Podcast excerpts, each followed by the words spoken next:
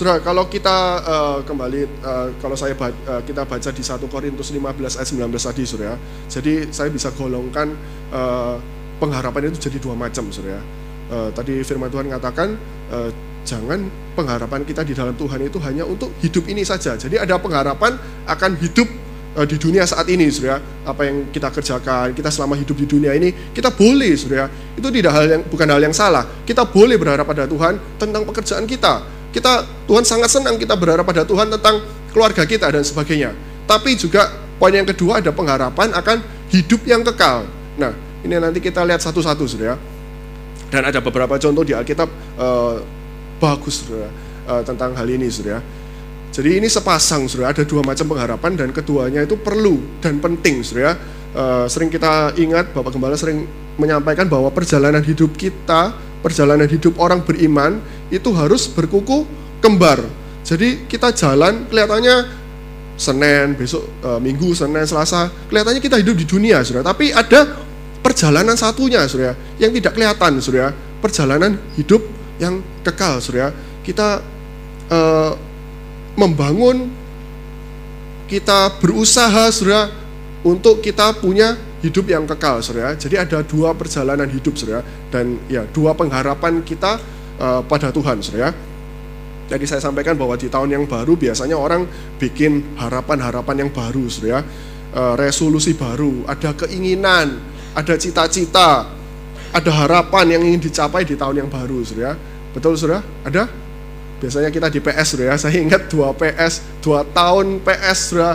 Uh, saya eh, di PS saya di PS 8 itu kita nulis resolusi sudah dan ya boleh sudah ada yang eh, resolusinya di tahun yang baru bisa misalnya sudah eh, bisa buka usaha baru atau sudah yang sebagai karyawan wah jabatannya meningkat eh, ingin seperti itu sudah naik jabatan omset meningkat sekian persen eh, atau di tahun 2020 bisa punya tempat tinggal sendiri bisa beli mobil yang baru atau apa pun sudah ya. Bisa ajak keluarga berlibur mau ke mana ke Singapura ke Jepang dan sebagainya. Biasanya kalau waktu itu kita tulis rata-rata isinya seperti itu sudah ya. Atau di tahun 2020 bisa ya segera menemukan tulang rusuk sudah misalnya sudah yang sekarang entah di mana misalnya seperti itu sudah ya. jadi atau mau menikah dan sebagainya sudah itu resolusi harapan kita semua sudah dan uh, it's okay saudara itu baik-baik aja saudara ya selama kita bisa jadi kita ada tujuan kita ada harapan kita uh, misalnya kita mau liburan ya kita nabung dan dan sebagainya saudara itu baik-baik saja saudara kita berharap Tuhan menyertai menolong pekerjaan kita. Kita berharap berdoa pada Tuhan hal-hal yang baik itu boleh terjadi dalam uh, kehidupan kita pribadi dalam keluarga kita uh, dalam kondisi bangsa dan negara kita. Itu baik saudara itu uh, itu pengharapan akan hidup saat ini, saudara. Pengharapan akan hidup yang sekarang ini, saudara. Tapi, saudara, di satu Korintus juga jelas dikatakan bahwa pengharapan kita jangan hanya uh, untuk hidup kita selama di dunia ini, saudara. Ada pengharapan yang yang lain, saudara. Penghar yaitu pengharapan akan hal yang kekal, akan hidup yang kekal, saudara pengharapan akan suatu kehidupan setelah kematian, Saudara. Kalau sudah baca di 1 Korintus 15 seperti itu, Saudara. Pengharapan bahwa suatu kali kita, saya dan saudara akan menerima apa yang Tuhan janjikan, Saudara. Buat setiap orang yang mengasihinya. Ketika kita mungkin pengangkatan, kita terangkat ke sorga, ketika kita mungkin uh, seseorang meninggal, itu ada kehidupan setelah itu, Saudara. Itu itu pengharapan akan hidup yang kekal, Saudara dan ini jalan bersamaan, saudara, berkuku kembar, saudara. Perjalanan hidup untuk yang fana, juga perjalanan hidup untuk yang kekal, saudara.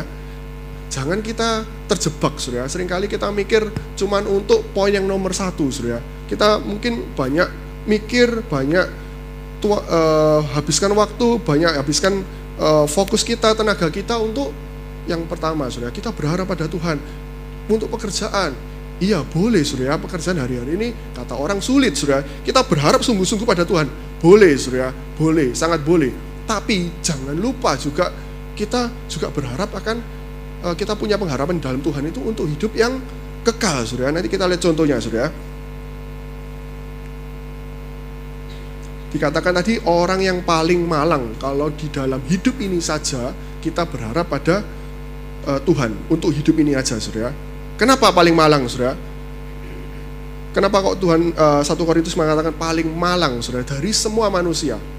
Karena, Saudara, karena hidup ini jika dibanding dengan hidup yang kekal, dengan kekekalan yang Tuhan sudah siapkan, sediakan buat kita, itu tidak ada apa-apanya, Saudara Roma 8 ayat 18 mengatakan tidak sebanding saudara. Sebab aku yakin bahwa penderitaan zaman sekarang ini, penderitaan karena karena Kristus saudara tentunya tidak dapat dibandingkan dengan kemuliaan yang akan dinyatakan kepada kita. Jadi tidak sebanding saudara. Seperti saudara ada sebuah batu dan sebuah bongka, bongkahan batu dan sebuah bongkahan emas. Tidak sebanding saudara, nggak ada yang mau tuker saudara. Demikianlah hidup kita di dunia ini dengan hidup yang kekal, saudara. Saya harap kita semua diingatkan kembali, saudara. Saya harap kita semua celik mata rohani kita, saudara. Kita bisa lihat, saudara, dan kita bisa jalan di dunia ini berkuku kembar. Seringkali orang banyak prioritas hal-hal yang untuk hidup ini, saudara. Pengharapan pada Tuhan untuk hidup ini lebih banyak, saudara. Tapi malam hari ini, saudara, kita diingatkan, saudara, kita melewati tahun yang baru ini, saudara, kita menghadapi tahun yang baru, Tuhan mengingatkan kita, saudara. Mari, saudara, kita juga harus seimbang, harus berkuku kembar. Kita juga harus punya pengharapan di dalam Tuhan itu untuk hidup yang kekal, saudara. Nanti saya jelaskan, saudara. Karena itu tidak sebanding, saudara. Tidak sebanding, saudara. Saya ingat sebuah ilustrasi, saudara, pernah disampaikan juga, saudara. Uh, next, saudara. Uh, slide Nah ini sebuah akuarium saudara. Ada sebuah ikan itu lahir di sebuah akuarium yang sangat indah saudara. Ikan kecil ini tambah lama tambah besar saudara. Dan ini akuariumnya ini besar saudara. Mungkin saudara bisa bayangkan akuarium yang di SeaWorld dan sebagainya saudara. Uh, akuariumnya besar ya. Ini gambarnya uh, kecil saudara. Ya ikannya juga kecil saudara. Mungkinlah akuariumnya besar, indah saudara. Di sana ada koralnya, ada batu-batuannya, ada mungkin uh, tanaman-tanamannya, mungkin ada kincirnya yang bisa muter itu sudah ada gelembung-gelembung udaranya dan sebagainya sudah. Kesannya indah sudah. Ikan itu tambah lama uh, dia menikmati uh, akuarium itu berenang di sana tambah lama tambah besar dia pikir wah ini satu tempat yang sangat indah ini satu tempat yang luar biasa seperti itu sudah. Tapi sudah uh, next slide satu waktu ikan itu dibawa dilepas ke lautan, saudara. Lautan yang luas, saudara. Wah, begitu dia masuk itu ke lautan, saudara, baru ikan itu sadar, saudara. Ternyata akuarium yang besar itu, yang indah itu, tidak ada apa-apanya, saudara, dengan lautan yang sangat luas. Jauh lebih indah, saudara. Koralnya itu warna-warninya jauh lebih banyak, bermacam-macam, dan ikan itu bisa berenang sampai jauh sekali, saudara. Tidak cuma di sebatas di akuarium itu, saudara. Uh, ini satu ilustrasi, saudara. Uh, pernah juga disampaikan di tempat ini, saudara. Ini berusaha menggambarkan, saudara, bahwa betapa jauh beda antara hidup yang kekal dengan hidup yang di dunia ini, saudara. Ini sebuah ilustrasi, saudara. Berusaha menjelaskan, tapi saya pikir tidak bisa 100% mewakili, saudara. Antara akuarium dan laut yang luas itu tidak bisa mewakili antara hidup kita di dunia dengan hidup yang kekal, saudara. Ini gambaran saja, saudara. Karena apa? Seringkali kita tidak bisa membayangkan hidup yang kekal itu bagaimana. Karena kita belum mengalami. Karena kita baru belajar lewat firman Tuhan. Kita belum mengalami. Tapi kalau bisa digambarkan, anggaplah seperti itu, saudara. Ini lu jauh, saudara. Bahkan lebih jauh lagi, saudara. Kemuliaan yang Tuhan sediakan. Aduh, sukacita di sana, saudara. Bertemu dengan orang yang kita kasihi, satu kondisi tebus tubuh satu kondisi yang sangat ideal yang sangat indah saudara itu tidak sebanding saudara tidak dapat dibandingkan dengan kemuliaan yang akan dinyatakan kepada kita saudara tidak sebanding saudara saya, saya ingat satu kesaksian or, seorang ibu saudara seorang ibu bekerja, uh, dia be, uh, kerja, uh, kerja join gitu saudara kongsi buka restoran saudara buka restoran dengan satu ya kongsiannya seperti itu saudara satu kali uh, pokoknya singkat ceritanya saya lupa kasusnya persisnya. Pokoknya uh, satu ibu anggaplah ibu A itu seorang yang beriman saudara. Ibu B uh, bukan orang beriman saudara. Satu kali ceritanya pokoknya disuruh uh, nipu atau apa gitu loh saudara. Uh, bukan uang yang besar uang yang kecil uh, saya lupa kasusnya saudara, tapi saya ingat itu kesaksian sudah agak lama saudara. Satu hal yang saya ingat pasti saudara, Ibu A diajak oleh Ibu B itu untuk uh, ya urusan uang pokoknya saudara. Dan uangnya itu diceritakan tidak terlalu besar nilainya saudara. Uh, jutaan tapi tidak sampai puluhan dan sebagainya saudara. Satu uh, waktu itu saya ingat jelas perkataan Ibu adalah masa demi uang segini saya mengorbankan uh, saya uh, hubungan saya dengan Tuhan, saya tahunan ikut Tuhan, saya sungguh-sungguh sama Tuhan, saya ibadah sungguh-sungguh, masa demi uang segini saya mengorbankan hal itu, dia tidak mau, surya. Ya, mungkin karena uangnya kecil atau apa, surya, tidak sebanding. Tapi misalnya kita ditawari uang yang besar pun, surya, untuk kita berbuat curang, untuk kita melanggar firman Tuhan, itu tetap, tetap tidak sebanding, surya, dengan apa yang Tuhan siapkan, dengan apa yang Tuhan sediakan dengan kemuliaan yang Tuhan sediakan buat kita, saudara. Percayalah, saudara, tidak sebanding.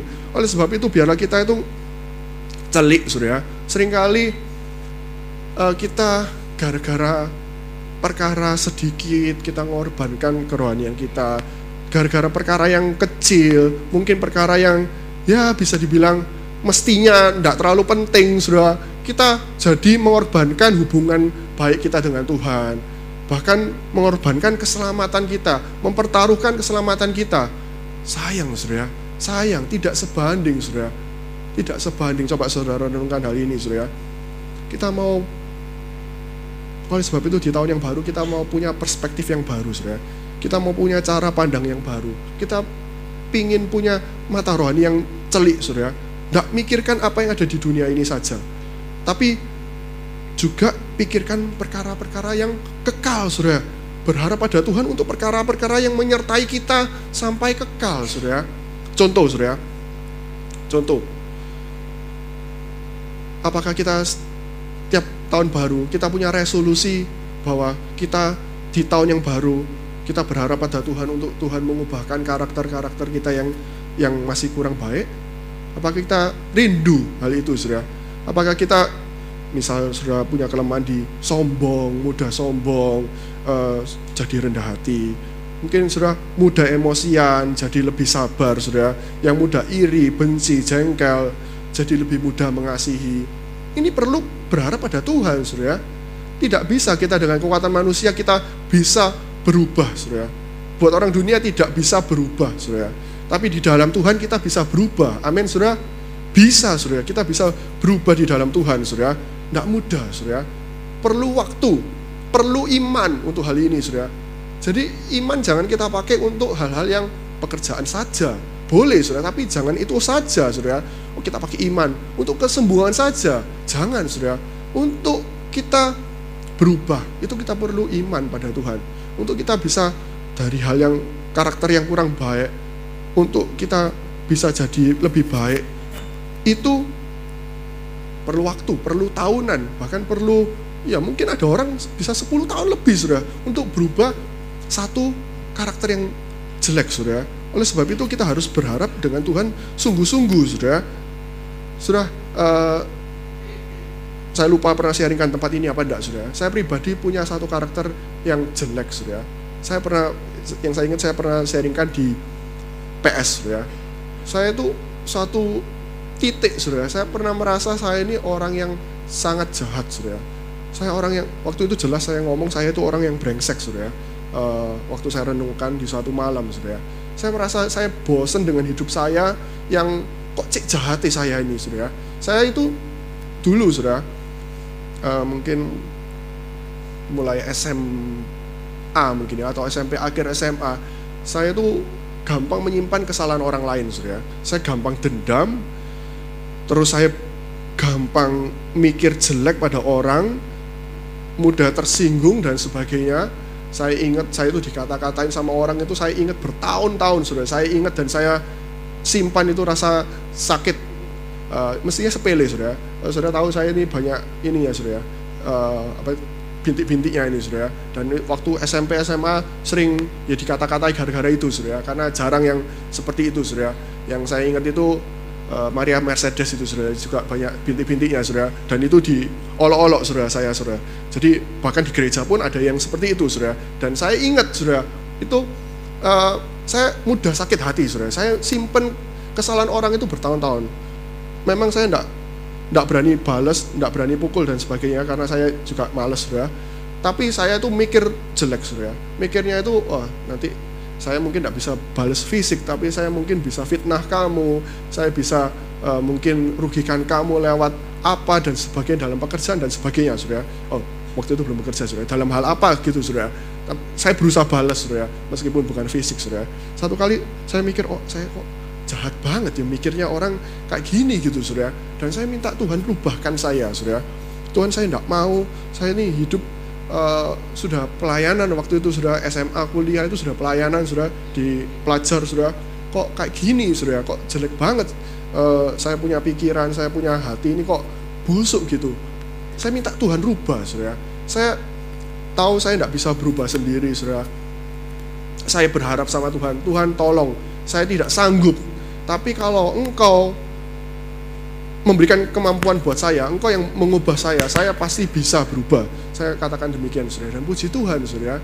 Saya, ya, kalau saya nilai saya pribadi, saya berubah, saudara. Saya, saudara, ada yang mengata-ngatai saya uh, kuliah waktu kerja, ya saya tidak terlalu bingung, saudara. Saya pikir, wah, sudah, uh, saya bisa terima, saudara. Saya bisa terima dan mungkin kata-kata itu ingat, tapi saya tidak sakit lagi, saudara. Tidak dendam, tidak aduh berpikiran jelek mau membalas. Enggak surya. Dan puji Tuhan surya bukan karena kekuatan kita surya tapi karena berharap pada Tuhan.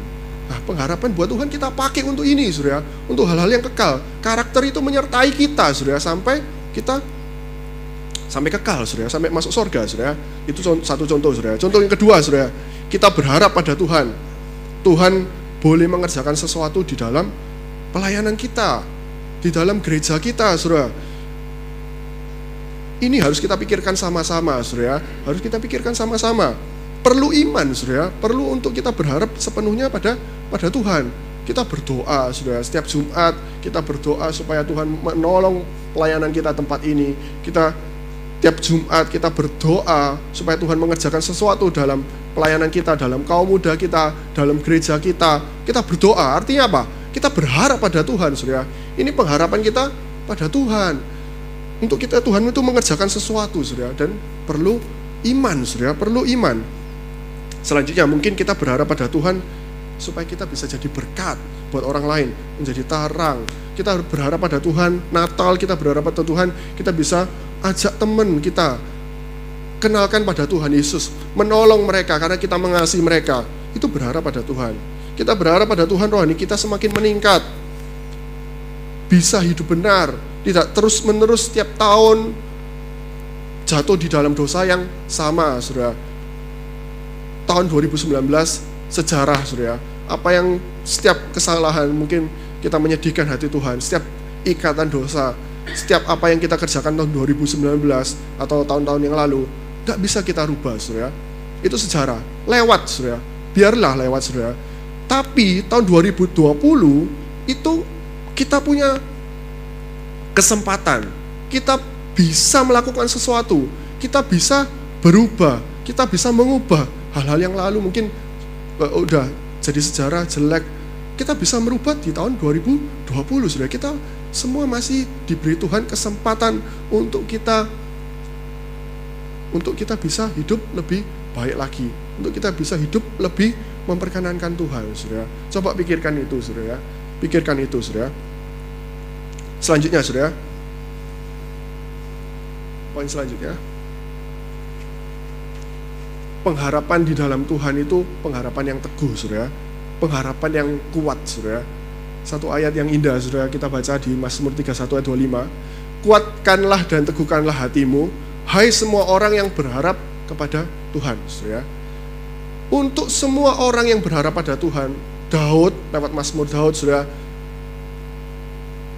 memberikan nasihat buat kita semua di tempat ini. Kuatkanlah dan teguhkanlah hatimu. Hai semua orang yang berharap pada Tuhan, saudara. Pengharapan di dalam Tuhan itu kita harus kuat, tetap teguh, tidak mudah digoncangkan, saudara. Tidak bergeser, saudara. Tetap berharap pada Tuhan, apa pun yang terjadi, saudara. Nanti eh, kita lihat di minggu-minggu selanjutnya, saudara. Saudara, uh, Mazmur ini ditulis oleh Raja Daud, saudara. Dan dalam Mazmur 31, kalau saudara baca uh, uh, perikopnya, baca semua, saudara. Daud mengatakan hal ini ketika dia itu sedang dalam kejaran musuh, saudara. Di musuh banyak yang uh, menyerang Daud, saudara. Dan Daud lari, saudara. Baik pada saat Abs dikejar Absalom, dikejar Saul, dan Daud tulis Mazmur 31 ini, saudara betapa dia merasa musuhnya itu terlalu banyak dia hendak mencelakakan dia, hendak mencabut nyawanya. Saudara, kalau saudara baca di Mazmur 31 ayat 10 dan sebagainya, saudara, bermufakat mencelakakan aku. Tapi Daud, saudara, tetap berharap pada Tuhan, saudara. Tetap berharap pada Tuhan dan saudara baca uh, di ayat-ayat uh, sebelum 10 itu Tuhan kasih pertolongan, Tuhan kasih kelegaan, saudara. Juga ketika uh, Saudara ingat ketika Daud menghadap uh, menghadapi kota Siklak, saudara, di kota Siklak terbakar, saudara, diserang orang Amalek, sedangkan istri dan anak-anaknya Daud dan pengikutnya ini di, di, ditawan semua, saudara, peristiwa di Siklak, saudara. Itu Daud dikatakan Daud menguatkan kepercayaannya pada Tuhan, saudara, menguatkan kepercayaannya pada Tuhan, saudara. Saudara, kita harus menguatkan dan meneguhkan hati kita, menguatkan kepercayaan kita pada Tuhan, sehingga kita punya pengharapan yang teguh, saudara, yang tidak mudah digoyahkan, saudara. Tetap berharap pada Tuhan. Apa pun yang terjadi, kita tetap bisa berharap sepenuhnya pada Tuhan, saudara. Ketika keadaan enak, saudara, mungkin gampang untuk kita berharap pada Tuhan, saudara. Ketika, aduh, sakit, kita berdoa seminggu, dua hari sembuh, wah gampang saudara. Tapi ketika saudara sakit, sembilan tahun sudah berdoa, tidak sembuh, itu baru diuji saudara. Pengharapan kita teguh nggak di dalam Tuhan saudara. Seperti kesaksian pada waktu Natal pagi, eh, kesaksian dari Bapak Susanto dan Ibu Susanto saudara. Sembilan tahun saudara, sakit saudara. Tidak bisa berbuat apa-apa saudara. Itu bukan satu hal yang mudah saudara Seringkali kita dikasih sakit sedikit aja udah komplain, udah ngomel sama Tuhan, udah eh, ini Tuhan bisa nyembuhkan enggak sih? Atau sudah cari obat dan sebagainya. Atau seperti kesaksiannya Bapak Peter waktu penyerahan ibu eh, penyerahan anak sudah ingin punya anak sudah nunggu bertahun-tahun sudah itu pengharapan kita pada Tuhan diuji sudah apakah pengharapan kita tetap teguh apakah kita mau menguatkan dan teguhkan hati kita menunggu jawaban Tuhan, menunggu janji Tuhan dinyatakan. Itu tidak mudah, Saudara. Banyak orang cari jalan pintas, Saudara. Eh, ya berharap setahun, dua tahun, tiga tahun ya uh, coba ke dokter atau apa, Saudara.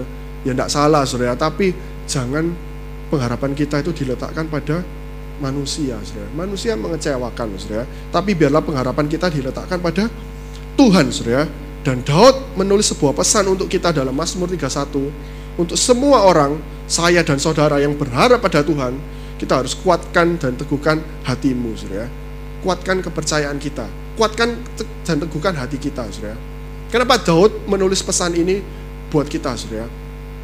Karena, saudara, karena Tuhan itu juga mengizinkan ujian itu datang di dalam kehidupan manusia, di dalam kehidupan orang beriman, saudara.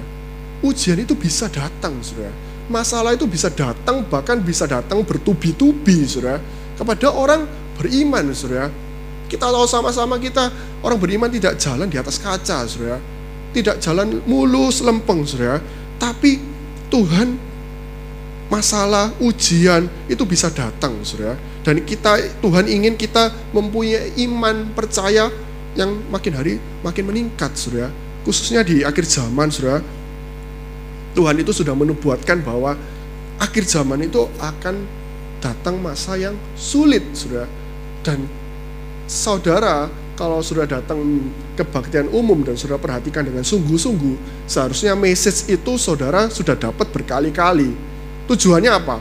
Saya yakin dan percaya Bapak Gembala punya maksud untuk mempersiapkan kita, mempersiapkan jemaatnya. Jangan sampai ketika ujian itu datang, masalah itu datang, kita tidak siap. Dan orang yang tidak siap itu bisa goyah. Pengharapannya bisa goyah, bisa kacau, bisa ke mana-mana, surya. Tidak kuat, surya. Tapi ketika kita sudah bisa menghadapi hal itu, kita dikuatkan lewat firman Tuhan dan sebagainya, kita bisa menghadapi, surya. Amin, surya. Kita bisa kuat, bisa tetap teguh, bisa tetap berdiri teguh, surya. Tidak goyah, tidak bergeser, surya. Uh, waktu tahun baru saya uh, pulang camp, saya ke Malang, surya. Saya datang ke uh, gerejanya Om Isa di Malang, sudah firman Tuhan tanggal 1 waktu itu kebaktian buka tahunnya ten, uh, sorry uh, bukan uh, firman Tuhan pada hari Minggunya sudah tentang uh, tidak ber, tidak ber, tidak uh, tetap tetap berdiri teguh sudah tidak bergeser misal kasih ilustrasi kalau tentara sepatunya itu ada polnya sudah oh ya ingat sudah saya ingat uh, gambarnya kayak Mas Suci diinjak itu sepatunya ada polnya sudah ya. Saya nggak tahu sepatunya tentara sudah. Ternyata ada polnya itu supaya dia bisa menjejak dengan menjejak dengan kuat sudah. Ya. Tidak gampang bergeser. Seperti kalau sudah tahu sepatunya sepak bola outdoor itu juga ada polnya sudah. Ya. Supaya itu bisa nancep ke rumput dan lebih lebih kuat sudah nggak licin dan sebagainya. Seperti itu sudah. Kita perlu sudah punya pengharapan yang teguh yang tidak mudah digeser, tidak mudah goyah, sudah tidak mudah untuk uh, kacau dan sebagainya, surya. Tiga setengah tahun yang pertama itu akan dahsyat, surya. Bapak Gembala sering kali mengingatkan, surya. Ya, memang, surya, kita boleh, surya, mengharapkan hal-hal yang baik, surya. Tapi firman Tuhan itu pasti jadi, surya. Mau ndak mau, saudara siap ndak siap, firman Tuhan itu pasti akan jadi. Tinggal respon kita sekarang bagaimana. Kita mau menyiapkan diri kita atau tidak. Itu kembali ke saya dan saudara. Kita saudara dan saya mau menyiapkan hidup kita sungguh-sungguh atau tidak itu respon tergantung kita semua, Saudara. Tapi firman Tuhan pasti jadi, tidak akan nunggu kita, Saudara. Oleh sebab itu saya harap kita sama-sama siap, Saudara. Bagaimana kita bisa memiliki pengharapan yang kuat, Saudara? Yang pertama, next slide selanjutnya. Nah, yang pertama bertekun di dalam iman, Saudara itu Kolose 1 ayat 23 saya bacakan. Sebab itu kamu harus bertekun dalam iman. Tetap teguh dan tidak bergoncang. Dan jangan mau digeser dari pengharapan Injil yang telah kamu dengar dan yang telah dikabarkan di seluruh alam di bawah langit dan yang aku ini Paulus telah menjadi pelayannya, Saudara. Bertekun di dalam iman, kita akan punya pengharapan yang teguh, Saudara. Iman itu tidak bisa tumbuh dalam semalam, Saudara. Itu harus ditumbuhkan dengan tekun, saudara. Hal-hal kecil, saya percaya saudara dan saya di tempat ini, saudara Tuhan itu mau mempersiapkan kita. Dia mengasihi kita, dia tidak cul-culan sama kita, saudara. Dia mau mempersiapkan setiap saudara dan saya. Saya yakin saudara pernah mengalami ujian, di mana saudara eh, iman itu diuji. Nah itu kita harus menang. Hal-hal kecil, sakit kecil, misalnya sakit perut atau sakit pusing, pakai belajar, dilatih imannya untuk menghadapi hari-hari yang esok sudah hari-hari yang dahsyat untuk menghadapi hal-hal yang lebih besar sudah itu dipupuk dipupuk kita harus tumbuhkan itu dengan tekun sudah dengan tekun sudah saya tidak bahas ini lagi sudah karena nanti dibahas lagi sudah dengan kekuatan dari Roh Kudus sudah Roma 15 ayat 13 sudah dengan kekuatan dari Roh Kudus kita bisa berlimpah-limpah dalam pengharapan sudah kuat di dalam pengharapan, berlimpah-limpah dalam pengharapan. Artinya apa, Saudara? Kita punya pengharapan itu banyak, Saudara. Dalam pekerjaan misalnya, dalam karakter, dalam pelayanan, dalam keluarga. Berlimpah-limpah di dalam pengharapan. Dikatakan di Roma 15 ayat 13 ya. Dengan kekuatan dari Roh Kudus, Saudara. Juga saya ingat juga yang terakhir, Saudara, uh, yang C, Saudara, enggak saya tulis, Saudara dalam persekutuan, saudara. Dalam persekutuan kita belajar saling menguatkan, saling mengingatkan, sehingga pengharapan kita bisa teguh, saudara. Kadang sendirian wah bisa, aduh Tuhan ini bisa tolong nggak ya? Saya berharap sama Tuhan ini uh, manjur nggak ya? Atau kadang orang itu bisa tanpa sadar bisa nyelimur sedikit gitu sudah, bisa menceng sedikit sudah. Penting persekutuan sudah. Diingatkan kembali, ayo kamu tetap berharap sama Tuhan. Tuhan itu tidak pernah mengecewakan dan sebagainya dan sebagainya sudah. Itu dalam persekutuan sudah. Oleh sebab itu buat saudara yang belum tergabung di PS sudah mari sudah joinlah di PS sudah nanti sudah pulang bisa tanya ke Peter uh, ke Kristo sudah tanya PS-nya di mana sudah ya. Nanti uh, sudah akan di, uh, diberitahu sudah ya. Yang poin yang terakhir sudah uh, bagaimana dengan tahun ini sudah 2020 ini bagaimana sudah selanjutnya next. Nah ini sudah ya, uh, bagaimana dengan 2020 sudah ya? Kita tidak bisa tahu sudah ya, sulit untuk memprediksi sudah ya. Uh, kalau secara umum tadi Yensin juga sudah menyampaikan secara umum ya rata-rata bilangnya tidak lebih baik dari 2019 sudah ya. Sudah tahu itu barusan yang terjadi Amerika itu bunuh jenderalnya Iran, orang-orang sudah heboh, harga minyak dunia sudah naik, itu orang terkuat nomor dua katanya sudah di Iran sudah dan sudah bisa memacu perang dan sebagainya sudah. Wah ya dahsyat sudah kita tidak tahu. Awal tahun kita tahu Jakarta siapa yang nyangka sudah ya eh, orang-orang lagi teh tahun baruan 31 habis itu kelelep semua. Siapa yang nyangka sudah dan itu kalau saya lihat beritanya ya luar biasa sudah ya. Bisa mobil bisa hanyut dan sebagainya. Nggak tahu sudah itu aduh sudah itu baru istilahnya kayak start uh, tanggal 1, menit ke 1 atau beda jam. Kalau nggak salah itu jam 3 subuh atau apa saya baca koran ya jam 1 hujan, jam 3 mulai anu. Oh, itu cuma lewat hitungan 2020 cuma itu lewat hitungan jam sudah satu jam tiga jam lima jam udah mengalami hal yang seperti ini sudah ya. Kita bersyukur kita nggak kena sudah kita kasihan kita doakan mereka sudah tapi kita nggak tahu sudah uh, Surabaya juga belum hujan deres sudah semoga tidak terjadi sudah ya juga orang siap-siap menghadapi resesi ekonomi dan sebagainya. Katanya sudah katanya ya siap-siap itu akan terjadi resesi lagi dan sebagainya sudah tidak tahu sudah kita tidak tahu. Tidak ada yang tahu sudah hal-hal yang mengejutkan itu bisa terjadi itu dengan cepat sekali sudah dengan cepat sekali sudah saya dengar uh, berita ada beberapa orang tua dari saudara kita seiman di tempat ini sakit awal tahun baru lewat sehari dua hari sudah ada berita yang tidak enak. Dengar lagi berita yang tidak enak sudah uh, sakit uh, cukup dan sebagainya sudah. Nah kita tidak tahu sudah. 2020 seperti apa kita tidak tahu sudah. Tapi satu hal yang saya mau sampaikan sudah kita jangan takut sudah. Jangan takut sudah. Selama kita di pihak Tuhan selama posisi kita anak selama kita hidup di dalam Tuhan, berkenan di dalam Tuhan, kita punya pengharapan yang betul di dalam Tuhan, kita bisa tetap kuat. Amin, sudah. Kita bisa tetap kuat, kita bisa melewati semuanya, sudah. Saya percaya itu, sudah. Sudah, kita perlu punya pengharapan yang betul di dalam Tuhan, sudah. Pengharapan tadi dua itu, sudah. Kalau kita berharap cuma satu, kita bisa kecewa. Manusia gampang kecewa. Contoh, doa untuk sakit bertahun-tahun tidak sembuh. Banyak yang kecewa, sudah berdoa Tuhan tolong keluarganya. Tuhan tidak tolong. Banyak yang kecewa sudah banyak yang kecewa mundur dan sebagainya sudah banyak hal itu tidak sedikit sudah kalau pengharapan kita cuma di poin yang satu tadi sudah kita akan mudah kecewa. Oleh sebab itu kita menghadapi tahun baru kita harus punya pengharapan yang betul. Dua sudah pengharapan kita di dunia ini juga akan hal yang kekal. Supaya kita tidak bisa punya pengharapan yang betul dan kita bisa tetap berdiri teguh, sudah. Bisa berdiri dengan teguh, sudah.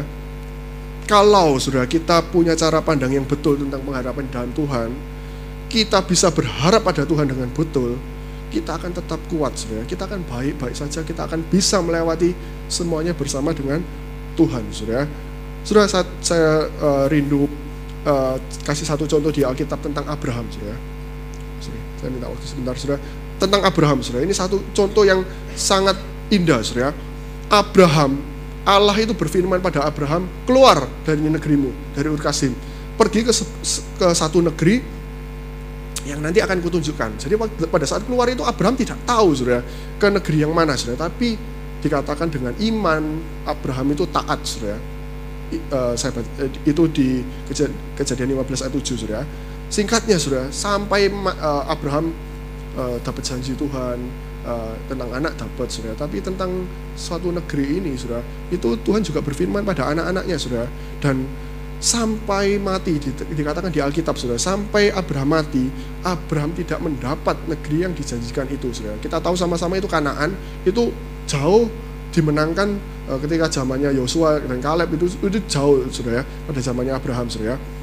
Tapi apakah Abraham ini kecewa pada Tuhan saudara tidak saudara kalau kita baca saudara saya bacakan tiga ayat saudara Abraham itu tidak kecewa pada Tuhan saudara kenapa saudara karena Abraham tahu, saudara. Abraham punya pengharapan yang betul. Pengharapannya apa? Dua, saudara. Tidak cuma satu. Ketika pengharap satu, mendekati meninggal mungkin Abraham, waduh nggak dapat. Mana e, kanaan itu belum dikuasai dan sebagainya. Bisa kecewa, tapi Abraham pengharapannya betul, saudara. Dua, saudara. Akan hidup yang saat ini dan hidup yang kekal, saudara. Jadi Abraham percaya bahwa selain Kanaan, Tuhan sudah menyediakan suatu negeri yang lebih baik saya bacakan di Ibrani 11 ayat 9 sampai 10. Saudara bisa ikuti. Uh, saudara bisa baca di Alkitab saudara. Saya bacakan. Karena iman, ia diam di tanah yang dijanjikan itu seolah-olah di suatu tanah asing. Dan di situ ia tinggal di kemah dengan Ishak dan Yakub yang turut menjadi ahli waris janji yang satu itu tentang Kanaan itu saudara. Sebab ia menanti-nantikan kota yang mempunyai dasar yang direncanakan dan dibangun oleh Allah, saudara, saudara garis bawahi. Jadi ia menantikan kota yang mempunyai dasar yang direncanakan dibangun oleh Allah, saudara. Bukan kanaan secara negeri perjanjian secara manusiawi itu, saudara. Ayat 13, Ibrani 11 tetap, dalam iman mereka semua ini telah mati sebagai orang-orang yang tidak memperoleh apa yang dijanjikan itu. Tetapi yang hanya dari jauh melihatnya dan melambai-lambai kepadanya dan yang mengakui bahwa mereka adalah orang asing dan pendatang di bumi ini. Ayat 16 Saudara. Tetapi sekarang mereka merindukan tanah air yang lebih baik, yaitu satu tanah air sorgawi. Sebab itu, Saudara perhatikan, Allah tidak malu disebut Allah mereka. Karena ia telah mempersiapkan sebuah kota bagi mereka. Saudara, ini luar biasa, Saudara. Abraham, Ishak, Yakub, sampai meninggalnya mereka tidak dapat apa yang dijanjikan yaitu tanah perjanjian, Kanaan itu. Tidak dapat, saudara. Tapi dia, mereka, sudah dikatakan e, mereka merindukan tanah air yang lebih baik. Mereka tahu, mereka punya pengharapan yang lebih baik. Apa? Sorga. Mereka dapatkan, mereka bisa dapatkan satu kota yang mempunyai dasar yang dirancanakan dan dibangun oleh Allah sendiri, saudara. Oleh sebab itu, Allah itu tidak malu disebut Allah mereka. Saudara kalau baca Allah Abraham, Allah Ishak dan Allah Yakub. Ya kan? Sering Allah Abraham, Allah Ishak dan Allah Yakub. Tuhan sendiri ngomong Tuhan tidak malu, Saudara. Disebut Allah mereka, Saudara. Luar biasa, Saudara. Kalau kita tidak punya pengharapan di dalam Tuhan dengan teguh, Saudara, ya kita sayang, Saudara. Kita rugi, Saudara. Tapi kalau kita punya pengharapan yang betul seperti Abraham ini, Saudara, saya baca itu Wah, agak merinding saudara, luar biasa saudara. Allah itu tidak malu disebut Allah mereka saudara. Tuhan begitu menghargai Abraham, Ishak dan Yakub. Karena apa? Karena mereka tahu, mereka berharap sama Tuhan itu dengan sepenuh hati. Pengharapannya teguh, meskipun tidak dapat yang di dunia, secara jasmani, tanah kanan tidak dapat, mereka tahu mereka punya pengharapan itu yang kekal. Satu kota yang kekal, sorga. Mereka rindukan tanah air yang lebih baik, saudara. Tanah air sorgawi, saudara. Luar biasa, saudara. Ini pengharapan yang betul, saudara. Pengharapan yang betul, saudara. Kalau kita punya pengharapan yang betul, kita tidak akan kecewa sama Tuhan, saudara. Kita bisa tetap kuat, saudara. Kita bisa tetap teguh, saudara. Tidak goyah pengharapan kita pada Tuhan, saudara. Saya undang uh, pemain musik bisa maju, saudara. Uh, saya rindu, saudara. Kita semua uh, punya pengharapan yang betul, saudara. Ini jadi satu bekal buat kita, saudara, untuk kita menghadapi 2020, saudara. Apa pun bisa terjadi, saudara. Saudara berharap tentang pekerjaan baik, saudara. Tapi, tapi, misalnya, saudara, dalam pekerjaan Tuhan mungkin seolah-olah tidak tolong, sudah kondisi jadi jelek, sudah kita tidak akan kecewa kalau kita punya pengharapan yang betul, sudah. Karena kita tahu, sudah, pengharapan kita tidak hanya di dunia ini. Kita tidak mau jadi orang paling malang, sudah. Kita punya pengharapan itu sampai kekal, sudah. Kita nggak pernah tahu, sudah. Kalau sudah coba renungkan, sudah negara-negara yang kerusuhan, Syria dan sebagainya itu negara maju. Libya itu negara maju, sudah. Saya ingat itu yang punya Juventus itu, sudah. Itu kaya, sudah.